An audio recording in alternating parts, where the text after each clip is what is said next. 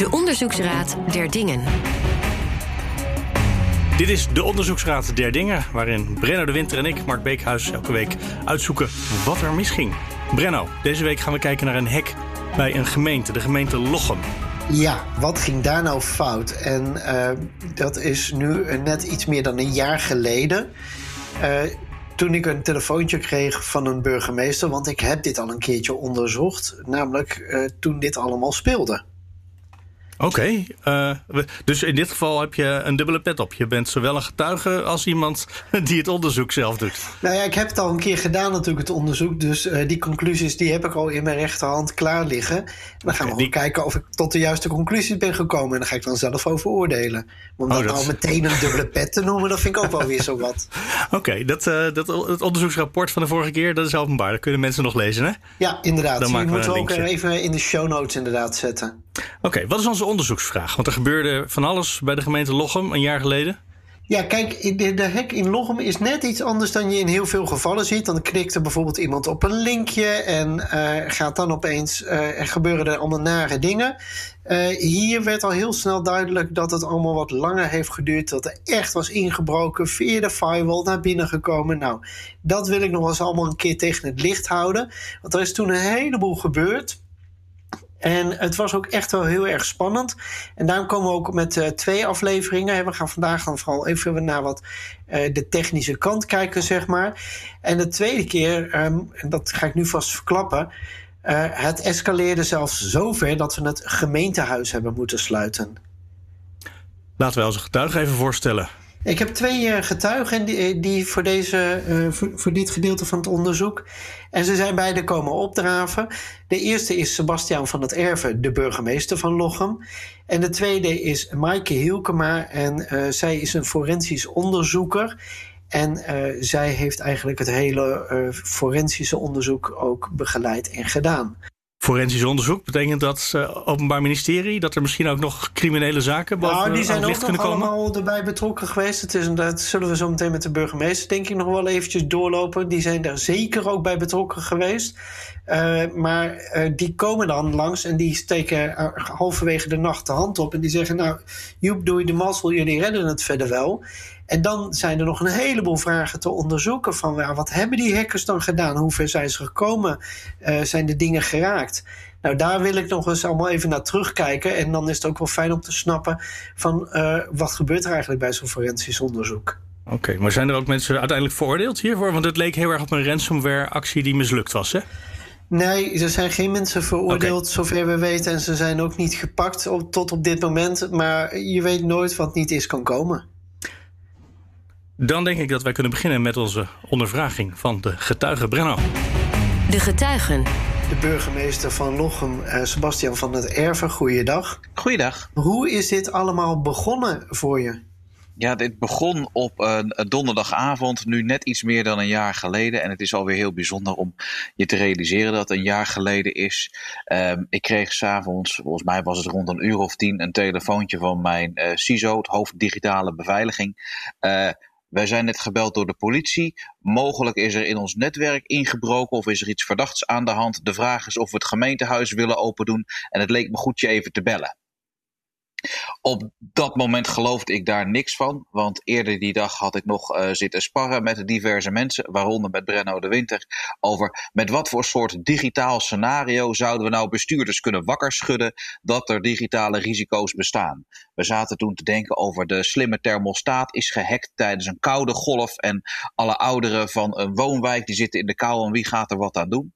Uh, dus toen dat telefoontje kwam, dacht ik, ja, iemand heeft gewoon een scenario op de verkeerde plek gelegd. En dacht dat ze mij even moesten bellen over een scenario wat niet aan de hand was. En hoe snel werd dan duidelijk wat er precies aan de hand was? Duurde dat minuten, uren? Dat was uh, binnen vijf minuten duidelijk dat dit toch wel degelijk serieus en echt was. Want je belde mij. En de omvang, hoe, hoe snel werd dat duidelijk?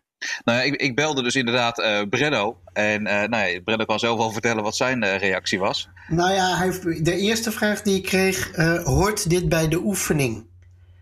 En als je dat ergens rond half elf s'avonds als telefoontje krijgt, of kwart over tien s'avonds, dan is de eerste vraag van mijn kant: wat, Sebastiaan? En toen werd het dus duidelijk dat er allerlei teams onderweg waren. Zeg ik, nou, de donderdag voor Pinksteren midden in de, eh, in de nacht, of avond en nacht. Wat denk je zelf? En toen klonk er toch wel wat teleurstelling terug. Oké, er waren allerlei teams onderweg. Wat voor teams hebben we het dan over? Ja, uh, wij zijn uiteindelijk geïnformeerd door de politie. Uh, wat volgens mij duidelijk is geworden, maar nou ja, ik weet ook niet het achterste van alles, uh, is dat het waarschijnlijk in een digitaal onderzoek ergens duidelijk is geworden dat uh, criminelen aan het inbreken waren in uh, het netwerk van de gemeente Lochem en dat we er maar beter wat aan konden doen. En toen is dus inderdaad de politie langs geweest, samen met de informatiebeveiligingsdienst die de ge gemeente samen hebben en ook het Nationaal Cybersecurity Center, wat vanuit het Rijk werkt, ook die zijn komen helpen om te kijken wat is er aan de hand en wat is er nodig om zo snel mogelijk weer naar een veilige situatie terug te gaan. En na verloop van tijd bleek dat uh, de verbinding met de buitenwereld zelfs verbroken moest worden. Het hele netwerk uh, losgekoppeld. dus daar kwam het toch op neer. Ja, nou ja, maar daar, daar zat nog een heel proces vooraf. Kijk, we, um, toen bleek dat we gehackt waren. Toen was het daadwerkelijk ga aan de slag en doe alles wat nodig is om uh, enerzijds sporen vast te leggen, zodat we mogelijk daders konden achterhalen. Ik wilde onder geen beding digitaal bewijs vernietigen. Tegelijkertijd, uh, mijn tweede uitgangspunt was transparantie. Uh, want ja, dit incident, dit is er, dit gaat niet zomaar weg. En als het er is, kunnen we maar beter zorgen dat we er met z'n allen van kunnen leren. Dat was een tweede randvoorwaarde die voor mij heel belangrijk was. En ja, communiceer er dan alsjeblieft duidelijk over. Want als er bij ons iets uitvalt, ik heb liever dat we er zelf over communiceren dan dat mensen gaan speculeren. Uh, was dat echt het eerste wat er door je hoofd schoot? Op het moment dat die, uh, iemand zegt: de hele automatiseringsafdeling van de gemeente ligt onder vuur. Oké, wat er ook gebeurt, we gaan proberen zo transparant mogelijk te worden? Ja, absoluut. Ja, dat heb je ook echt in dat allereerste gesprek ook gezegd. Nederland moet hiervan leren. En daarom vind ik me ook zo leuk voor de onderzoeksraad der dingen. Leren van fouten. Om ervan te leren, ja. Ja, ja, maar okay. dat, dat, is volgens mij ontzettend nodig dat we daar veel opener over zijn. Wat is er nou eigenlijk aan de hand? Kijk, uh, Geert Mak heeft ooit een boek geschreven onder de titel We zijn gedoemd tot kwetsbaarheid. Zeker in de digitale wereld geldt dat. Die kwetsbaarheden die zijn er. Uh, zelfs als je je stinkende best doet, dan nog kan het gierend misgaan. Het enige wat we dan kunnen doen is zorgen dat we van incidenten zo goed mogelijk leren. Uh, dat vind ik een heel belangrijk uitgangspunt. En ik vind het ook heel mooi om te zien dat bijvoorbeeld bij de hack die later speelde, of de ransomware aanval, moet ik zeggen, uh, bij de Universiteit van Maastricht, dat dat principe van openbaarheid daar ook veel sterker naar voren kwam dan eerder. Dus ik hoop ook dat we een nieuwe toon hebben gezet, dat het echt goed en verstandig is voor ons allemaal om over een hek duidelijk te zijn. Wat is er gebeurd en wat kunnen ook anderen de volgende keer anders doen om risico's te vermijden? Oké, okay, en de, de, vraag hoe je met de communicatie omgaat, daar gaat ook de volgende aflevering voor het grootste stuk over. Dus misschien moeten we daar nu inderdaad een klein beetje uh, vanaf weer gaan. Ik heb nog niet helemaal helder wat er nou precies uh, gebeurd was. Want ik heb het zelf omschreven als het leek op een ransomware actie, waarbij dus computers van buiten uh, ja, overgenomen worden en je krijgt alles weer terug als je veel betaalt. Misschien is het handig om nog even de twee fases te duiden die we hebben gehad in deze ja. aanval. Het begon inderdaad heel snel met dat telefoontje op die donderdagavond. En toen uh, hebben we alle zeilen bijgezet om zo snel mogelijk aan het werk te gaan. Uh, er is het hele Pinksterweekend doorgewerkt. En uh, op dinsdagochtend dachten wij eigenlijk, nou jongens, het lek is aardig boven. En zo gaan wij nou ja, richting afronding. En dan hebben we nog wel wat verbeteringen te gaan. maar dan hebben we het eigenlijk wel weer klus geklaard.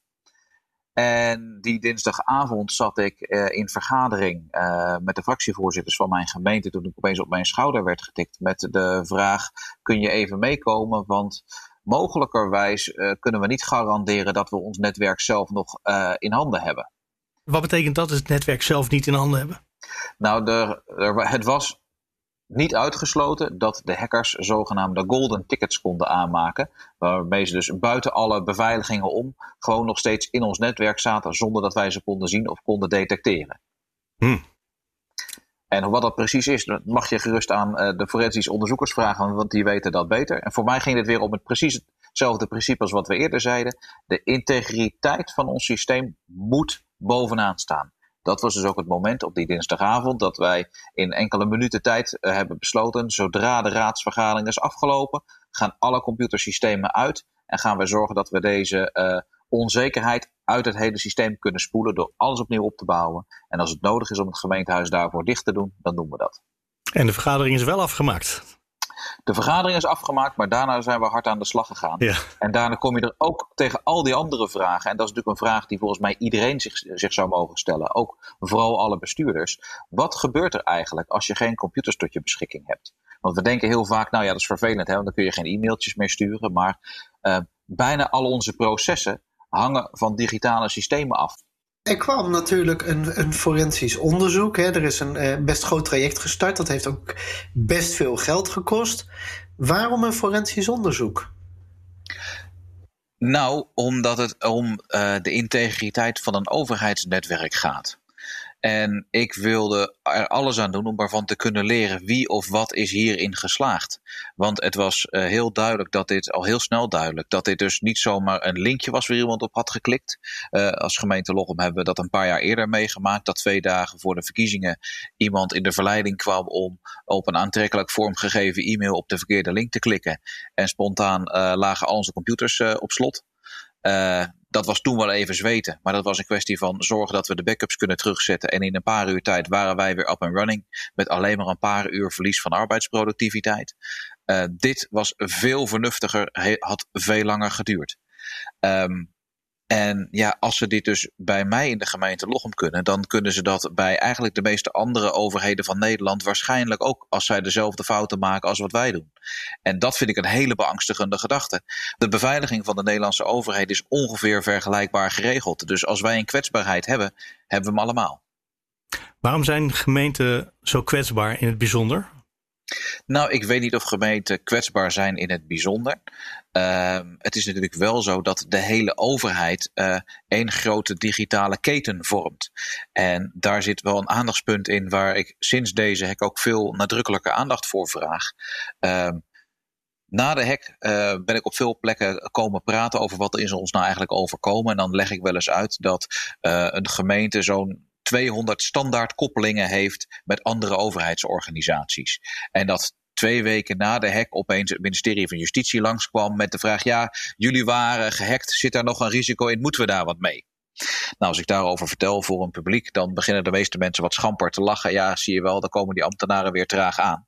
Mm-hmm. Uh, het echte verhaal is natuurlijk dat zij de enige waren van die 200 die zich spontaan actief melden. Mogelijk zit er een kwetsbaarheid in onze digitale keten die we als overheid vormen.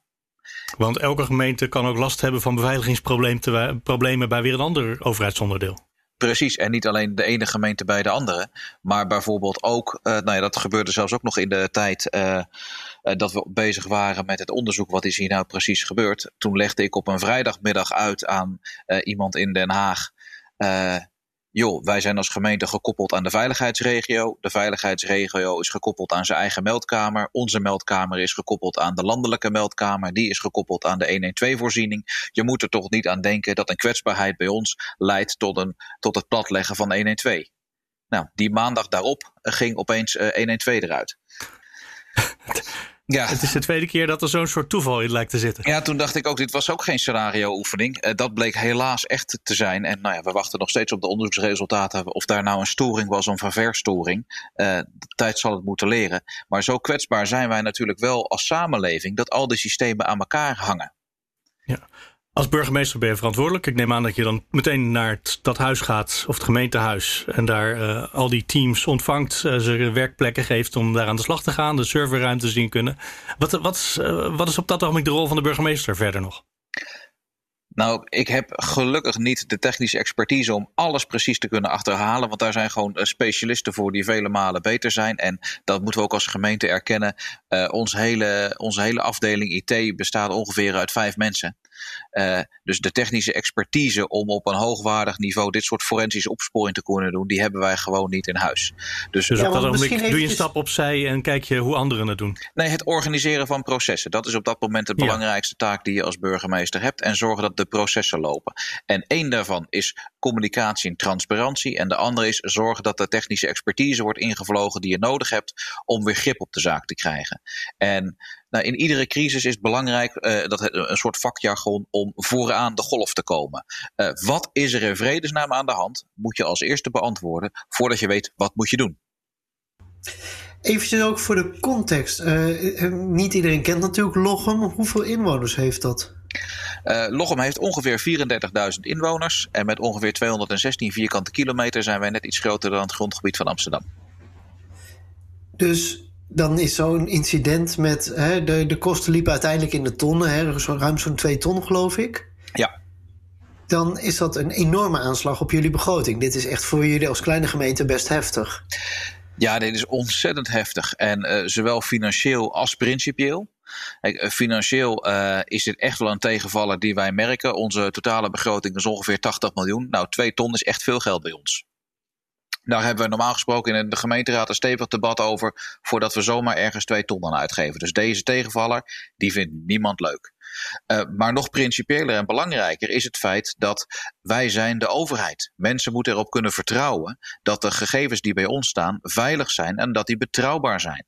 Um, dat de zorgdossiers van opa en oma niet zomaar worden verhandeld. En dat als je uh, zaken doet met een individu, dat de gegevens die daarvan bij de overheid staan, dat die kloppen. Uh, dat we niet plotseling in de Tweede Kamer moeten gaan uitleggen dat wij mogelijkerwijs een aantal paspoorten hebben uitgereikt aan dames en heren waarvan we niet zeker weten wie ze nou eigenlijk waren.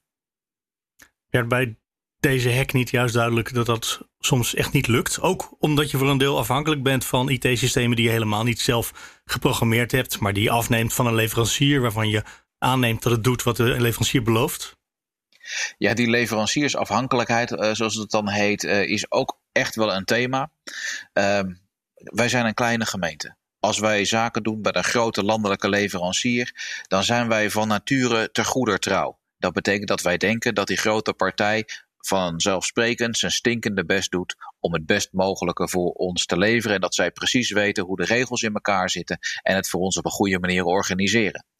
Ik vond het chockerend om uh, in de nafase van deze crisis hebben wij allerlei uitgebreide testen gedaan om ons veiligheidsniveau nog hoger te krijgen. Dat er ook gewoon bij landelijke dienstverleners een aantal significante verbeteringen mogelijk waren. Laat ik het maar zo eufemistisch zeggen.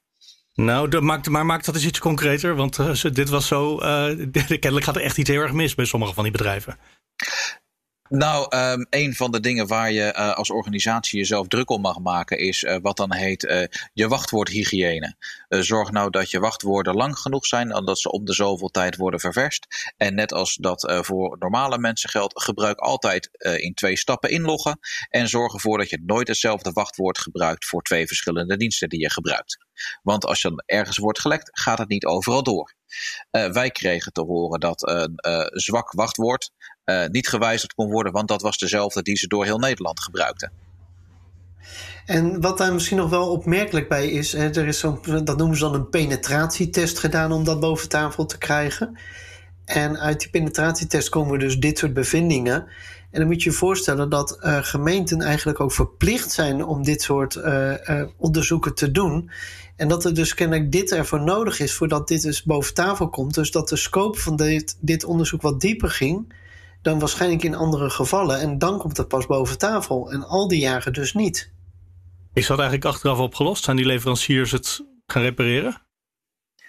Ja, daar was het principe dat deze burgemeester van transparantie was toch overtuigend. Oké, okay, nou ja, dat werkt. Als het zo werkt. Ja. Um... Nou, mooi punt denk ik om uh, door te gaan naar onze volgende getuige.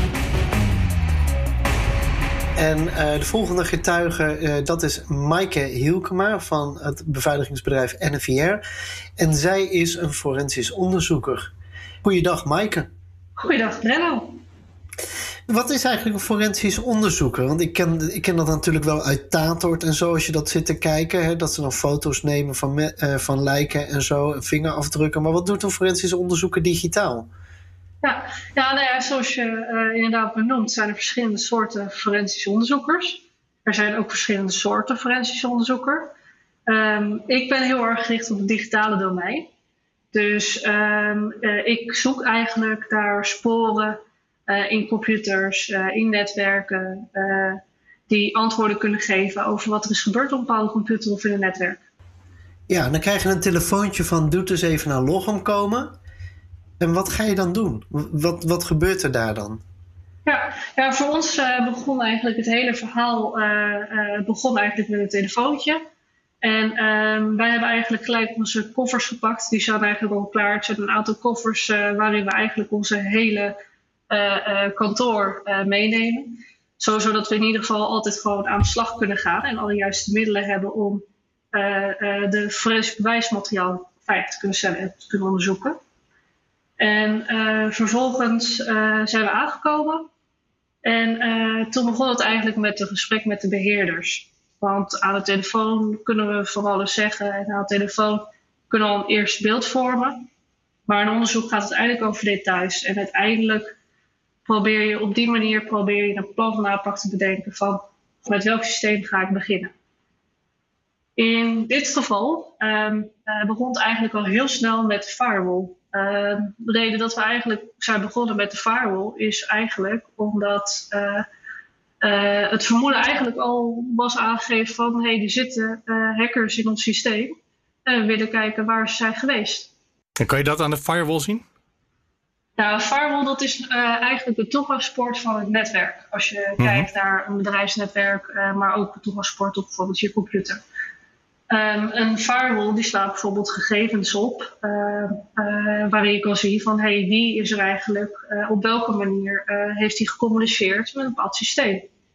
Nou, in dit geval zijn we begonnen met firewall en het we erachter gekomen dat op 14 december dat de zogenoemde remote desktop protocol open stond. Dat is eigenlijk een soort van toegangspoort waarmee je volledig, tenminste extern gezien, volledig toegang hebt tot de computer alsof het een beetje je eigen computer is. Dus je hebt gewoon een bureaublad, uh, je hebt gewoon muis en toetsenbord. En, Dit is wat uh, helpdesk medewerker, medewerkers zeggen. Zal ik even je computer overnemen op afstand? Ja, dat, dat is eigenlijk wel zo'n soort uh, manier waarop je kan binnenkomen. En dat klinkt levensgevaarlijk. Ja, het was ook niet de bedoeling dat deze voor het internet bereikbaar was. En tot op heden. Maar ga je, dan niet, ga je dan niet kijken van goh, wie heeft dat dan aangezet? Wie heeft dat opengezet? Ja, dat hebben we ook zeker onderzocht. En uh, uiteindelijk, uh, het, het, was een half jaar van tevoren. En in een half jaar tijd kunnen natuurlijk best wel wat uh, sporen verdwijnen. hebben we uiteindelijk niet kunnen achterhalen waarom die is opengezet en op welke manier het is gebeurd. Maar één feit is dat op 14 december 2018 dit, deze poort dus open was gezet. En dan is meteen de gedachte, zou ze al een half jaar van tevoren begonnen zijn met die aanval? Ja, en dat is dus ook precies uh, uh, waar we verder onderzoek op zijn gaan doen. Want die server waar, waar eigenlijk die toegang toe mogelijk was, die hebben we vervolgens onderzocht. En uh, ja, dan begint dus eigenlijk ook echt met een kopie maken van die server. Sorry dat ik toch nog even vraag, maar, maar hoe doe je dat? Zet je die server dan uit en neem je hem onder de arm mee? Of hoe werkt zoiets? Nou, eigenlijk willen we hem zoveel mogelijk uh, in dezelfde staat houden zoals we hem aantreffen. Dus staat hij uit, dan kopiëren we het bestand. En als hij aanstaat, proberen we uh, in zijn aanstand proberen we een kopie te maken. En de reden is eigenlijk uh, om zo'n soort van nulmeting te kunnen doen. Wij proberen zo min mogelijk handelingen te doen op zo'n systeem zodat we uh, in ieder geval kunnen garanderen dat, uh, dat wij zo min mogelijk acties hebben ondernomen op die systemen die we onderzoeken. Ja, dus eerst ben je gewoon het bewijsmateriaal aan het veiligstellen eigenlijk. Ja, ja we hebben inderdaad dus die server die hebben veiliggesteld en toen zijn wij die dus gaan onderzoeken. En uh, toen kwamen we dus achter dat over een periode van een half jaar dat meermaals toegang was verkregen. En dat kwam eigenlijk allemaal terecht op twee accounts. En um, ja, die inlogacties op die gebruikers, dat is niet normaal. Um, en wat wij daarnaast ook hebben gezien, onder andere vanuit de antivirus, is dat er in die periode meermaals was geprobeerd om ransomware uit te voeren. Maar niet gelukt steeds? Nee, nee, dit is denk ik een stuk of uh, drie keer getracht. En uh, uh, inmiddels, uh, toen wij eigenlijk aankwamen, hadden ze uh, verder toegang gekregen in het rest van het netwerk. En waren ze dus eigenlijk al op een ander systeem om te proberen of dat ze het dan wel voor elkaar kregen. Je kan in die logbestanden waarschijnlijk van alles en nog wat teruglezen. Kan je, daar, kan je daar een soort beeld van de mensen die achter die accounts zitten uh, vormen. Of ze bijvoorbeeld uh, goed getraind zijn of eigenlijk maar wat aan het proberen zijn. Dat kan me voorstellen dat je erin kan zien. Maar misschien kan je er wel veel meer uithalen. Misschien kan je wel zien, oh, dit is een man of een vrouw. Een man of een vrouw, dat kunnen we niet zomaar zien aan digitale sporen. Maar wat we bijvoorbeeld wel kunnen zien, is bijvoorbeeld wat voor bestanden zijn geopend. Of wat voor mappen zijn geopend. En op die manier zijn we bijvoorbeeld ook achtergekomen dat in die periode dat ze ook alle inloggegevens van gebruikers hebben weten te kunnen kopiëren. En ehm, hierdoor hebben ze natuurlijk inloggegevens gehad van een heleboel gebruikers binnen het netwerk. En dus in potentie zouden ze daar dus ook misbruik van kunnen maken. En in potentie zouden ze daar ook dat, hè, waar de burgemeester het over had, dat golden ticket kunnen aanmaken. Ja, die golden ticket, dat kon in ieder geval in het onderzoek niet geheel uitsluiten. Uh, daar zijn ook ja, niet enorm veel sporen van, maar de sporen die er zijn, uh, ja, het, het, wordt een beetje ja, alsof er heel veel netwerkverkeer gaande is. En uh, nou ja, omdat we het niet geheel konden uitsluiten, hebben we het advies gegeven van uh, ja, eigenlijk moet dit uh, opnieuw geïnstalleerd worden. Ja, daar hebben we ook niet lang over gediscussieerd, inderdaad. Dat was als je het niet kunt uitsluiten, wil je niet dat onder je vingers natuurlijk die hele spullenbol wordt overgenomen door onbevoegden. Nee, nee, precies. En uh, naast natuurlijk het feit dat wij gevraagd werden om uh, onderzoek te doen wat de aanvallers hebben gedaan, uh, is ons natuurlijk ook gevraagd om eventueel te helpen met het nemen van de juiste maatregelen om aanvallers op het netwerk te weren. Dan zie je natuurlijk ook mogelijkheden uh, waarvan je zegt van nou, dat had ik zelf anders gedaan. Kun je daar wat voorbeelden van geven? Uh, voorbeelden geven van wat ik anders had gedaan. Ehm, ja, nou, ik... qua beveiliging. Als je dan zegt van we doen ook uh, aanbevelingen voor verbeteringen. ze staan natuurlijk ook in de diverse rapporten. Um, maar dat is natuurlijk denk ik wel interessant om te weten van wat jullie zo alle aantroffen waarvan je denkt van nou, dat kan wel beter. Nou een van die aanbevelingen is dus uh, uh, zet uh, die remote desktop protocol, zet dat RDP-poortje, zet die dicht. zorg ervoor dat een aanvaller op die manier niet meer binnen kan. Nou, die controle die hebben we gedaan en die was eigenlijk toen wij op locatie kwamen, was die inmiddels al gelukkig dichtgezet. Maar er waren andere dingen die we ook tegenkwamen. En dat was bijvoorbeeld dat er gebruik gemaakt werd van hele zwakke gebruiksnamen en wachtwoorden.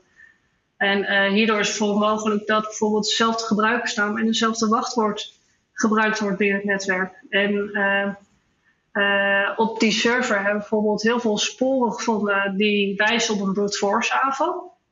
Een brute force aanval, dat is eigenlijk een aanval waarbij een hacker een heleboel pogingen doet om met verschillende gebruikersnamen en wachtwoorden in te loggen op een systeem, tot het op een gegeven moment succesvol is. Nou ja, als er hele zwakke gebruikersnamen en wachtwoorden uh, gebruikt worden binnen het netwerk en uh, die op die manier kan inloggen, dan, uh, dan gaat het hun ineens lukken en dan zijn ze opeens zijn ze binnen. Ja, en dan, dan is natuurlijk de poppen aan het dansen.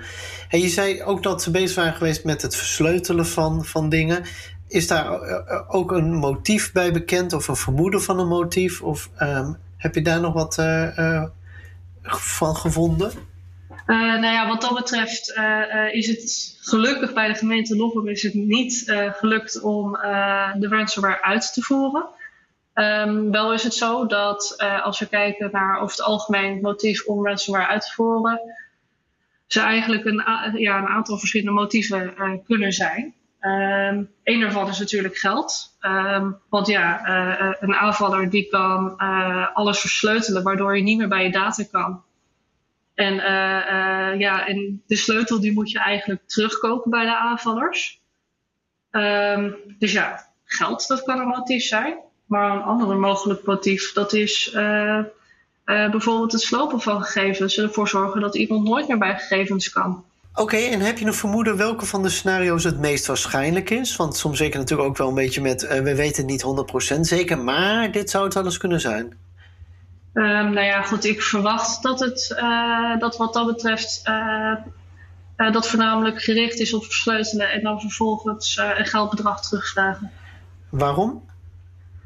Um, nou ja, voor zo'n sleutel kan je, uh, kan je iemand, uh, uh, nou ja, wordt vaak honderdduizend, half miljoen, misschien wel zelfs miljoenen gevraagd om gegevens te ontsleutelen. Um, dat is best wel een snelle manier om natuurlijk geld te verdienen. Ja. En Brenno vroeg net, waren er dingen die je aan de beveiliging beter zou doen of anders zou doen? Waren er dingen die de hackers deden waarvan je dacht, oh, dat hebben ze niet of juist heel erg handig aangepakt? Um, nou ja, het feit dat ze natuurlijk met hele kleine stapjes bezig waren in het netwerk. En hele kleine stapjes bezig waren op, uh, op die server. Dat ze af en toe eventjes 10 minuten wat handelingen uitvoerden. Dat ze wat gegevens misschien kopieerden. En uh, vervolgens uh, dat, dat ze eigenlijk niet echt verdere acties waardoor ze niet enorm lawaaierig zijn. Ze waren geduldig. Ja, ze waren geduldig. Dat, dat, dat vermoeden heb ik wel.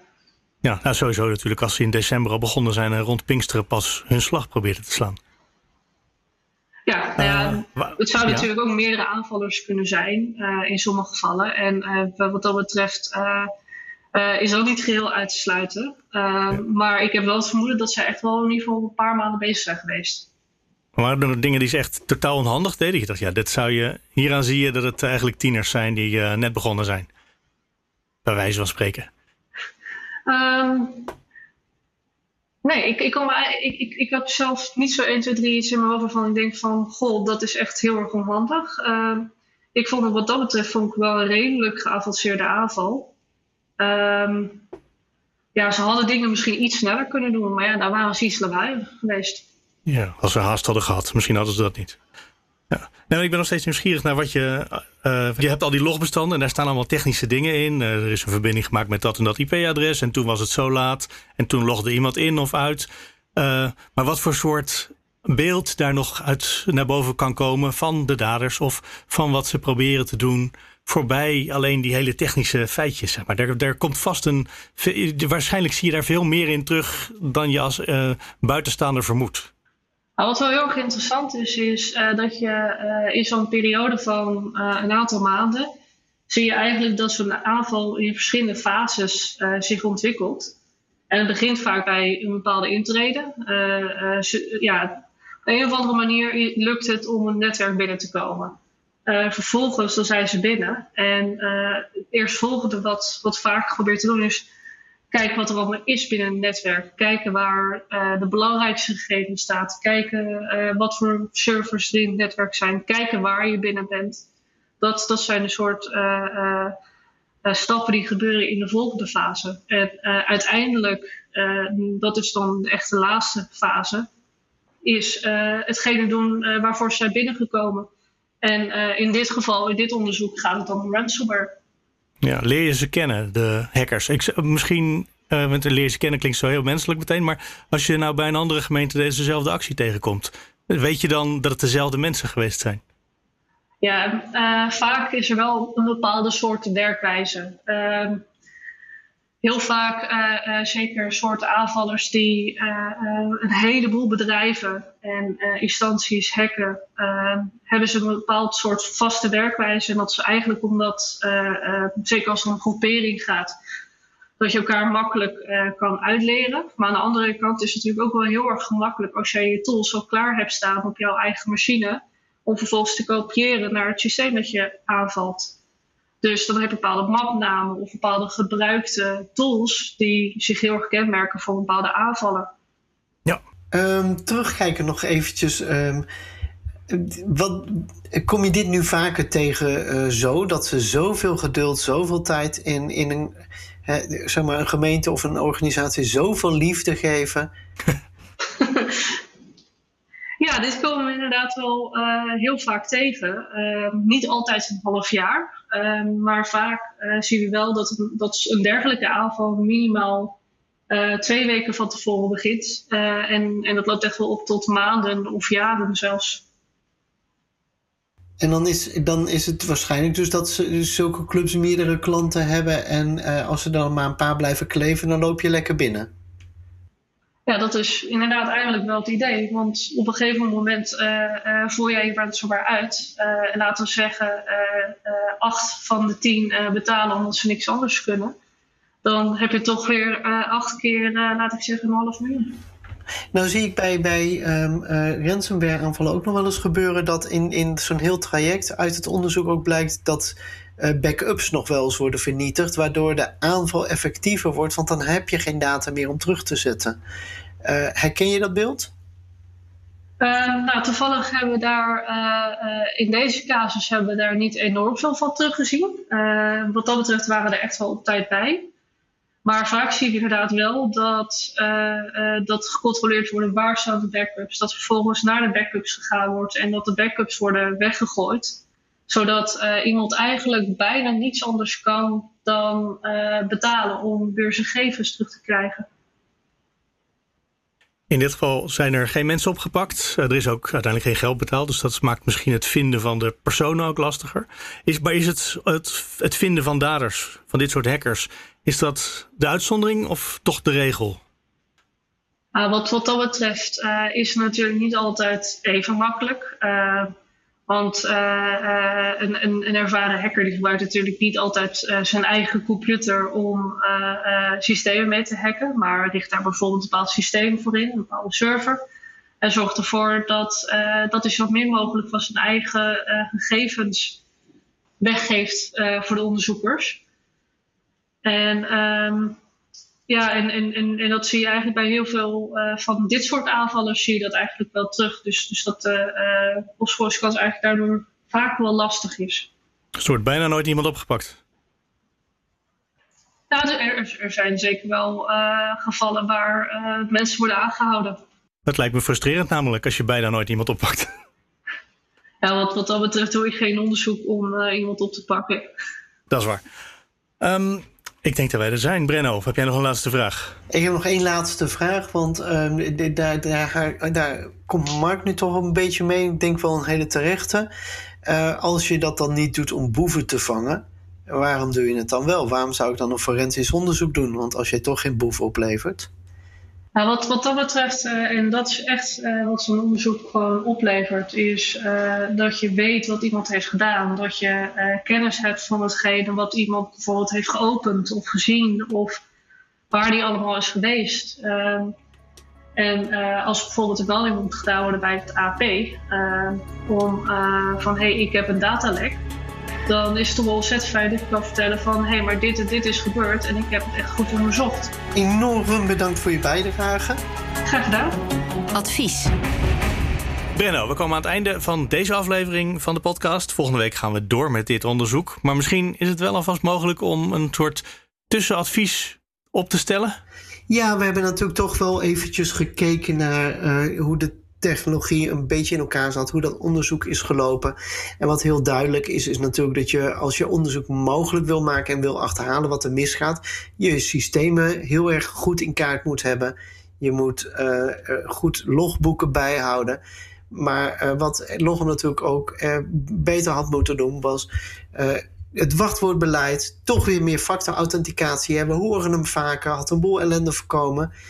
Uh, en beter documenteren waarom je wat doet op welk moment.